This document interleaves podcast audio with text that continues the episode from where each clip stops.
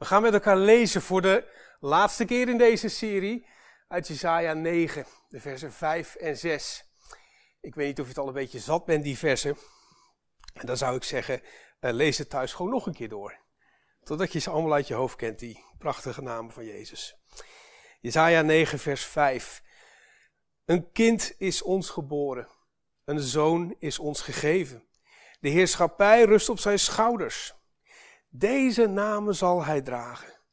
Wonderbare raadsman, goddelijke held, eeuwige vader, vredevorst. Groot is zijn heerschappij. Aan de vrede zal geen einde komen. Davids troon en rijk zijn erop gebouwd. Ze staan vast in recht en gerechtigheid van nu tot in eeuwigheid. Daarvoor zal hij zich beijveren, de Heer van de hemelse machten. En dan bladeren we een behoorlijk stuk verder naar Johannes 14.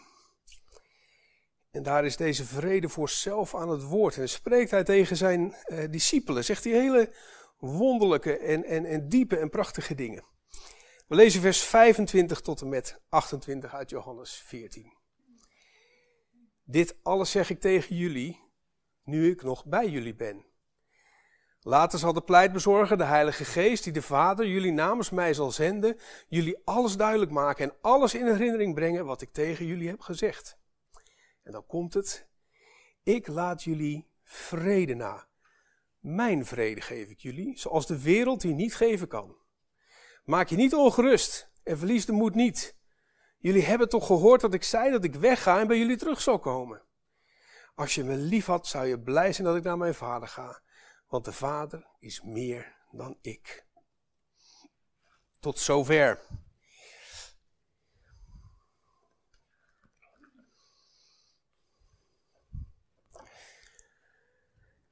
Lieve mensen, lieve zusters en broeders, gemeente van Jezus Christus, mensen thuis ook. De afgelopen weken zijn we eigenlijk uh, bezig geweest met maar één vers uit de Bijbel, Jesaja 9, vers 5. We hebben het net gelezen. Een profetie. Een boodschap van God aan de mensen. Waarin Jezaja vertelt van een kind dat ons geboren zal worden. Van een zoon die ons gegeven zal worden. En, en, en zonder die twee keer ons zou dat misschien niet eens heel bijzonder zijn. Er worden wel meer kinderen geboren. Er worden wel meer zonen geboren. Maar dit kind en deze zoon, die komt voor ons, voor jou en mij. En het was een slordige 750 jaar voor de geboorte van Jezus Christus waar. En dat is het vandaag de dag nog steeds. Hij komt voor ons, voor jou, voor mij en voor iedereen die ooit leeft, heeft geleefd of zal bestaan. Een kind is ons geboren, een zoon is ons gegeven. En deze namen zal hij dragen, deze reputaties zal hij hebben. En daaronder zal hij bekend staan. Niet zomaar raadsman, maar wonderbare raadsman. Niet zomaar held, maar goddelijke held. Niet zomaar vader, maar eeuwige vader. En tenslotte niet zomaar vorst, maar vredevorst. Nou, en op die laatste naam gaan we ons vandaag concentreren. Het is heel mooi en passend dat dit vers uh, met al die namen en titels juist eindigt met deze. Het maakt niet alleen die serie van namen en titels, maar ook de serie van taken en verantwoordelijkheden van Jezus compleet. Want uit al die andere dingen waar we het in de afgelopen weken over hebben gehad, de manier waarop Jezus ons tot raad is, de manier waarop Hij ons verdedigt, de manier waarop Hij uh, zich vaderlijk over ons ontfermt, daaruit vloeit die vrede voort. Diepe vrede, zoals de wereld die niet kent. En, en het laatste woord uit dit vers is dan ook het Hebreeuwse woord shalom vind zelf alleen al als je het uitspreekt, gaat er iets van vrede vanuit. Shalom. Nou, uiteraard gaan we bij dit woord stilstaan. En met de blik ook op Johannes 14, wat we net lazen. En we gaan ook kijken naar die titel van vorst die daar kennelijk uh, bij hoort. En, en hoe Jezus dit dan allemaal gestalte geeft. En dan zullen we ook merken, we komen altijd weer bij Hem uit. Jezus zegt het zelf al, ik ben de weg, bij mij moet je zijn. Dus zoek je rust en zoek je vrede in je leven. Heb nog even geduld. Het is bijna kerst. Er komt een kind. Er komt een zoon. En zijn heerschappij is groot. En aan de vrede zal geen einde komen. Nou, centraal staan uh, grofweg een drietal dingen die we in de schriftlezing hebben gehoord. Uiteraard die naam, die titel, Vredevorst. Maar ook een paar zinnen uit Jezaja 9. Uh, onder andere vers 6. Groot is zijn heerschappij, aan de vrede zal geen einde komen. En wat Jezus uiteindelijk ook zelf zegt, Johannes 14, vers 27. Mijn vrede geef ik jullie, zoals de wereld die niet geven kan. Eerst eens even dat woord vrede. Ik vond dat de kinderen al een hele goede aanzet gaven vanmorgen. Ik eh, ben inmiddels 44 eh, en ik weet niet of je je kan herinneren dat wij als Nederlanders onszelf als tolerant beschouwden. En er ook best een beetje trots op waren. En, en vonden dat we dat ook moesten zijn. Het was een beetje de tendens in de jaren 70, in de jaren 80, begin jaren 90. En daarna kwamen Fluitsma en Fontijn en begon het een beetje af te kappelen. We zijn een tolerant volk, vonden we van onszelf. Daarmee bedoelende dat we een zekere mate van verdraagzaamheid hebben. en, en daarmee bedoelde dan de mate waarin volgens de geldende norm afwijkend gedrag of afwijkende personen of afwijkende groepen niet worden gediscrimineerd. Ondanks dat we diep van binnen wel een klein beetje vinden dat we daar het recht toe hebben. Tolerantie is afgeleid van een Latijns woord dat betekent verdragen, verduren, uithouden.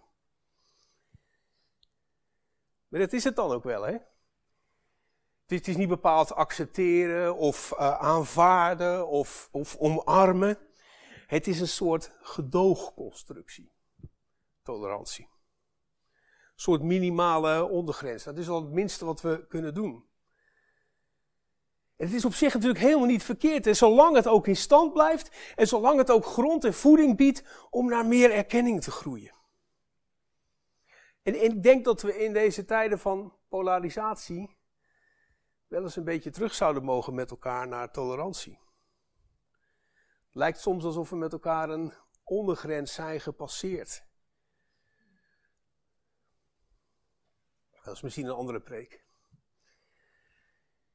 Maar op zo'nzelfde manier, als je naar tolerantie kijkt, zou je dus ook naar het woord vrede kunnen kijken. En dus als je tolerantie alleen maar vertaalt met afwezigheid, of sorry, aanwezigheid, uh, oh, sorry. Als je tolerantie vertaalt met afwezigheid van onverdraagzaamheid, op zich mooi, zou je vrede dus ook kunnen vertalen als afwezigheid van conflict. Geen oorlog, zei een van de kids. Ook mooi natuurlijk en goed en na te streven. Maar daarmee reduceer je vrede, net als tolerantie, tot een soort ondergrens. Maar het Bijbelse begrip van vrede is van een totale andere orde. Die heeft het veel eerder over een bovengrens, voor zover die grens er überhaupt al is, want het schijnt dat er aan die vrede geen einde komt.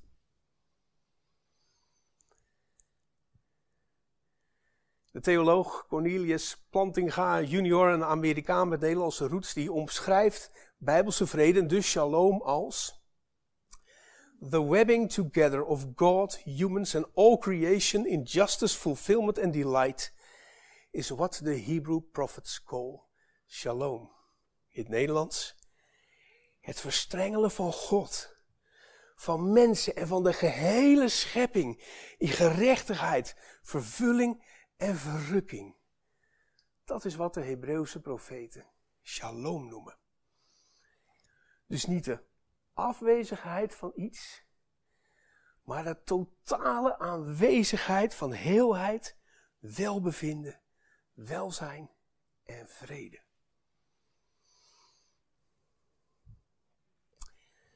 Nou, dat is om eventjes de lat te leggen voor waar Jezus nu precies vorst van is. Van dit soort vrede dus, zoals de wereld die niet kent en niet geven kan. Van die vrede is de Messias, van wie wij verstaan dat het Jezus moet zijn, de vorst. Maar klopt die titel wel? Vrede vorst. Klinkt goed, zelfs prettig, zoals een soort uh, superheld. Wonder Woman, de Cape Crusader, de Fantastic Four, vredevorst. Het past ook heel goed bij het koningschap van Jezus, waarvan we weten dat hij dat krijgt. En, en, en, en, dus vinden we deze titel volkomen logisch en stellen er bijna geen vragen mee. Maar hij is niet zo logisch als we denken. Toch vertalen bijna alle Nederlandse Bijbelvertalingen, heel ongewoon dat ze bijna allemaal hetzelfde woord gebruiken, vertalen ze die titel als vredevorst. Behalve de Bijbel in gewone taal, die kiest voor koning van de vrede, maar over het algemeen is daar consensus over. En wat ze heel mooi doen, al die vertalingen, is dat ze aansluiten bij wat er in het Hebreeuws staat. Ook een alliteratie. Sar Shalom. En dus wordt het in het Nederlands vredevorst en in het Engels Prince of Peace en in het Duits Friede Fürst. Nou, goed gedaan zou je zeggen. Waren het niet dat dat woord sar, wat bij shalom staat, sar shalom, eigenlijk helemaal geen of op zijn minst bar weinig koninklijke betekenis heeft. Als je het woord opzoekt in de Bijbelse teksten, dan zul je zien dat het veel meer in de sfeer van een soort legeraanvoerder gezocht moet worden. Steeds is het commandant of bevelhebber of kapitein of chef of zelfs ambtenaar. En enkele keer heerser of prins. Er zit dus een weinig prestigieus aspect aan. Maar eigenlijk gewoon iets, ja, meer bestuurlijks. In een commentaar las ik dat de titel Sar het beste gebruikt kan worden op zijn hoogste niveau voor een vazalkoning. He, dus een koning die wel enige autoriteit heeft, maar die moet beantwoorden aan een andere koning, een hogere, strengere, gewelddadiger koning, aan wie hij eigenlijk alles moet afleveren. Een soort wassen neus als functie. En dat maakt dan die titel toch een beetje teleurstellend en weinig indrukwekkend. Iets in de sfeer van administrateur van de vrede. Of als je het per se wil laten allitereren, voorman van de vrede. Nou, dat was zich niet verkeerd. Toch wil Jezaja hier niet de indruk wekken dat het hier gaat om een kind en een zoon die slechts een ondergeschikte is. Of een mindere ambtenaar in het koninkrijk. Het is niet voor niets dat alleen hier in de Bijbel, uh, in, in, de Bijbel in Jezaja, in dit vers, die term sar shalom valt. Nergens anders. Hij is dus speciaal bedoeld voor de Messias. Dit kind, deze zoon, is alles behalve een ondergeschikte, zoals alle andere sarim in de Bijbel. En net noemde ik voorman van de vrede, dat klinkt een beetje underwhelming misschien, maar veel meer past verstrekker van de vrede, verdeler van de vrede of voorziener van de vrede.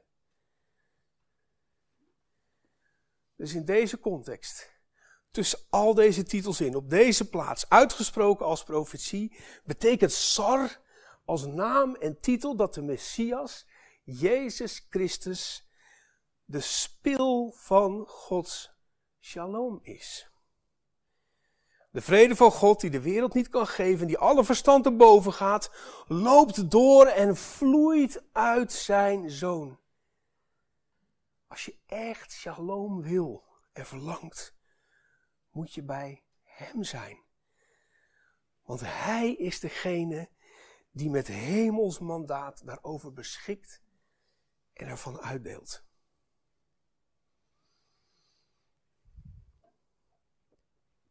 En toen ik zo bij, bij die titel dus aankwam, Sar Shalom, vredevorst, zag ik hoe, hoe, hoe wonderlijk het is dat in Jesaja 9 vers 5 en vers 6, waarin, Jezus dus die namen en die titels krijgt, dat die titels staan ingebed in twee opmerkingen over heerschappij.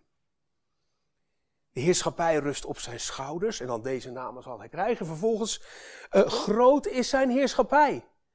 Aan de vrede zal geen einde komen. Dus onder het bewind van de Messias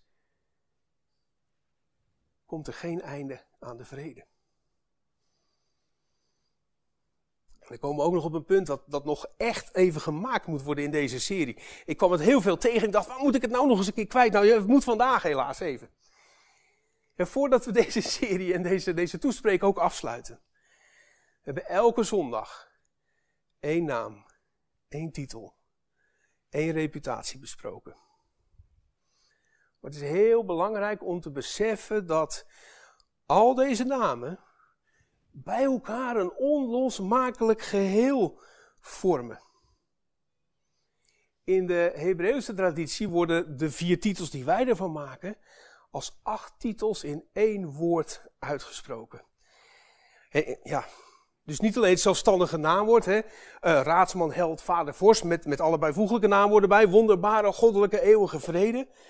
Maar acht afzonderlijke waarden die in één woord worden uitgesproken. Nou, ik kan de Hebreeuwse uitspraken helaas niet bij reproduceren, maar het komt eigenlijk neer dat Jezus Christus, de Messias, in één adem de wonderlijke, de raadgevende, de goddelijke, de heldhaftige, de vaderlijke, de eeuwige, de heersende, de vredige is.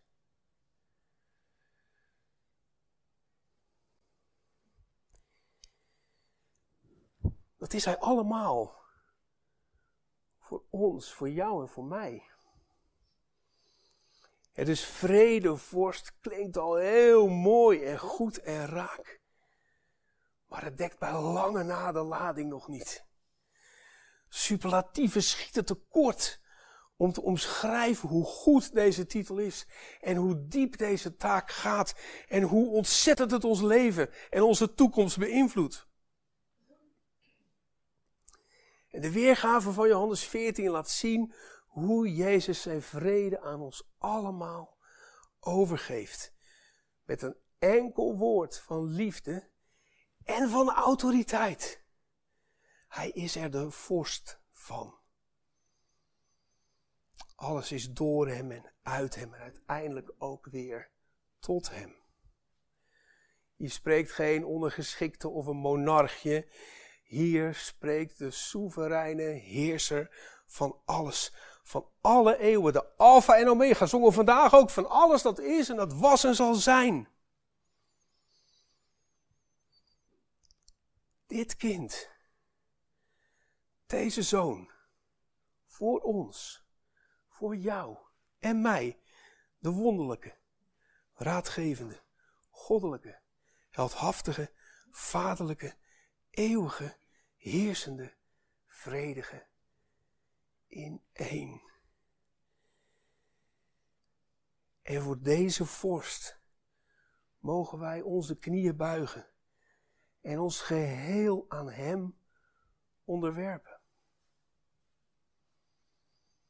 En terwijl je knieën buigen en ze de grond raken, onthoud dan dit. Hij houdt van jou. Wonder boven wonder houdt hij van jou en mij en wil hij jou en mij alles geven wat hij maar kan geven. Vrede zonder einde.